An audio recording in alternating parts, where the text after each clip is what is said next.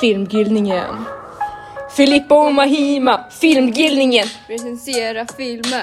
Filmgillningen. Vi steker manus. Filmgillningen. Vi serverar vetenskap. Filmgillningen.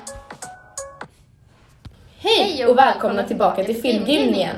Idag ska filmen The Martian stekas och en hemlig celebrity gäst komma på besök. Det ska grillas, det ska diskuteras, det ska dras slutsatser. Är filmen verkligen trovärdig? Välkommen, Välkommen, Thomas Tomat! Det är faktiskt tomma. Är du taggad? Nej. Nej, vänta, vänta, stoppa podden, du kan inte säga nej din jävla... Ursäkta oss, vi hade lite små tekniska problem. Men nu är vi tillbaka igen. Filmen The Martian utspelas på Mars och handlar om en astronaut vid namn Mark Watney. Mark blir allvarligt skadad efter att ha spetsats av ett metallrör och hans team tror att han är död. De evakuerar därför planeten. Mark visar sig ha överlevt och ställs mot utmaningen att själv överleva på Mars, 600 solar, vilket motsvarar cirka två år på jorden. Ja, och alltså anledningen till Marks skada och att evakueringen skedde är ju en storm som uppmäter en styrka på över 8000 Newton. Thomas, är det här någonting som skulle kunna ske på Mars? Alltså, egentligen inte. Tack vare min snälla kollega Neil deGrasse Tyson som har bidragit med lite information om Mars eh, så inträffar stormar på Mars sällan. På grund av den tunna atmosfären så inträffar stormar i snitt bara vart femte år. Och dessa är aldrig starkare än, än kategori 1 som skulle vara på jorden. Det innebär att vindstyrkan ligger på max 33-42 meter per sekund. Vi- Vindstyrkan kan då absolut rubba en vuxen människa på 100 kilo. Men i filmen är det inte en vuxen människa som rubbas, utan det är faktiskt en stor maskin vid namn MAV. Och den här maskinen väger runt 3600 kilo. Vilket inte då hade varit möjligt då vindstyrkan eh, inte, vore, inte vore tillräcklig. Eh, sen framkommer det ju också att markteamet, alltså det på jorden, var medvetna om att stormen skulle inträffa. Var det då sannolikheten att man skulle välja att skicka upp ett team astronauter just när denna storm ska inträffa om de bara inträffar vart femte år? Men om vindstyrkan är tillräcklig för att rubba en människa så är det ändå sannolikt att händelsen där metallröret spetsar mark skulle kunna inträffa. Alltså absolut, men om man nu lyssnar på vad Thomas har sagt om atmosfären så skulle det här innebära att temperaturen på Mars är extremt låg. Om man då blir spetsad och sen ligger en hel natt med ett metallrör i magen, han borde inte kunna överleva. Ja, du har helt rätt där. Temperaturen på Mars kan uppnå en temperatur på minus 150 grader Celsius. Och om så vore fallet borde metallröret också varit runt den temperaturen, vilket skulle leda till att röret skulle bränna fast i mark när han spetsats. Eftersom metallen överleder kyla och halva röret befinner sig utanför kroppen inte röret upp utan kylan fortsätter hela tiden att stråla in i hans kropp, vilket skulle leda till döden. Och om man sen mot alla odds överlever och som i filmen faktiskt lyckas dra ut röret så skulle han lämnas som ett hål rakt in i magen. Men hörni, han skulle bli en vandrande donut!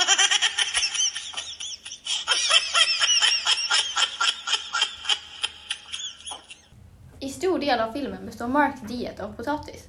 I början av filmen äter Mark en potatis per dag, men efter förstörelsen av potatisodlingen får han order att äta en potatis var tredje dag. Är det möjligt att överleva på denna diet, trots de hårda förhållandena han levde i? Hans diet på potatis kan verka ohållbar, men om man kollar på fakta så innehåller faktiskt potatis tillräckligt med näringsämnen för att vi människor ska kunna överleva. En studie gjord av en man i Danmark utgick på att enbart äta potatis i ett helt år för att se om det är möjligt att överleva på det. I studien åt mannen 4-5 kilo potatisar om dagen. Som ni ser äter Mark i filmen till en början en potatis om dagen. Jag uppskattar att en sådan potatis innehåller cirka 150 kalorier.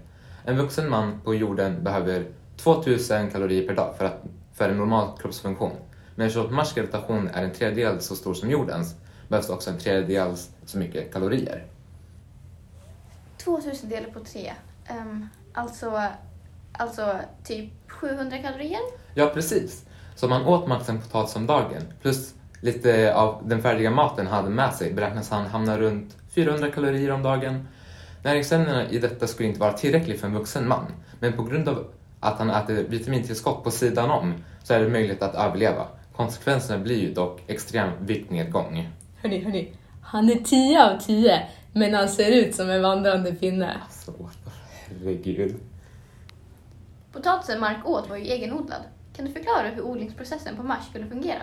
Själva odlingen i sig är en väldigt svår och komplicerad process på Mars. Jorden är näringsfattig och han gödslar den med sitt eget och de andras astronauternas avfall. Kan inte avfall vara farligt att använda som gödsel? Det innehåller en del farliga bakterier va? Jo, där har vi ett utav problemen. Denna process med att odla i egen avföring är väldigt farlig då mänskligt avfall innehåller farliga patogener. Varje kropp är utformad för att klara sina egna patogener, men att förtära andras kan vara livsfarligt. Men om Mark då fick i sig andras patogener, varför blev han aldrig sjuk? Detta beror på Mars kalla miljö som tar död på alla bakterier. På detta vis kan han odla med avföringen utan allvarliga hälsorisker. Att anta är dock att även de nyttiga bakterierna i avföringen dör vilket bo- borde innebära att det ej fungerar så bra som gödning, gödningsmedel då alla nyttiga bakterier försvunnit.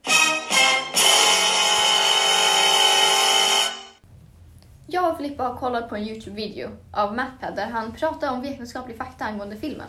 Jag har dragit lite slutsatser angående hälsoeffekter som skulle påverka Mark långsiktigt på grund av den skiljande miljön mellan jorden och Mars. Vi har tidigare diskuterat om att gravitationen på Mars är betydligt högre än jord. Ja, just det, lägre. Eftersom gravitationen på Mars är betydligt lägre än jorden resulterar det i en lägre tyngdkraft som verkar på kroppen. Även under korta resor till rymden har astronauter påverkats av långvariga besvär och komplikationer som till exempel försvagat skelett. En annan sak är att Mars har en stor förhöjning av farliga salter i sin jord. Med Marks intag av potatis leder det här till en förhöjd halt i blodet jämfört med vad han skulle fått i sig på jorden. Även om de här halterna kanske inte påverkar honom på plats så kan de komma långvariga konsekvenser. Halterna kan skapa hormonrubbningar som kan ge bland annat sköldkörtelcancer. Med andra ord så överlever han Mars för att senare riskera att dö av cancer för att hans astronautgrupp åkte ifrån honom på grund av en storm som inte ens kan inträffa.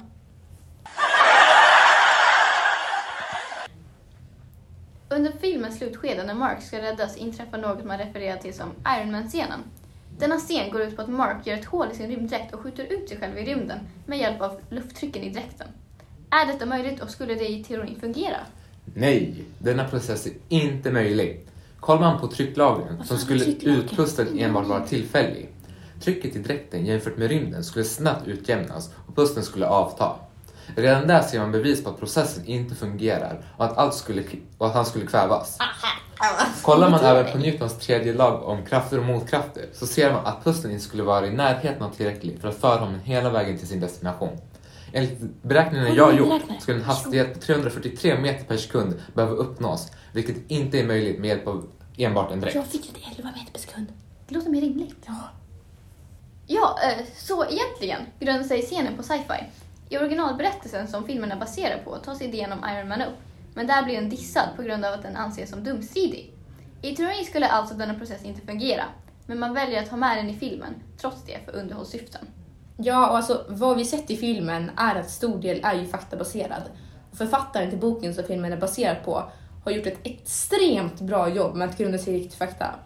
Stor del av filmen är i teorin möjlig, men som vi pratade om så har den sina brister. Det här beror ju på att filmen ska vara underhållande för tittarna.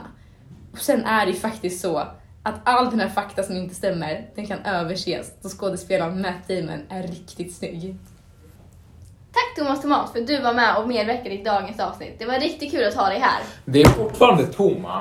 Toma, Får en fantastisk. Ja, I nästa avsnitt så kommer vi gå in på djupet av matregn när vi diskuterar filmen Det regnar köttbullar. Missa inte det, vi ses nästa torsdag.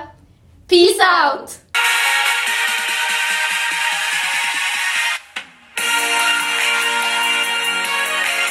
Filmgillningen, filmgillningen, filmgillningen, filmgillningen, filmgillningen, filmgillningen, filmgillningen, filmgillningen, filmgillningen, filmgillningen, filmgillningen, filmgillningen, filmgillningen.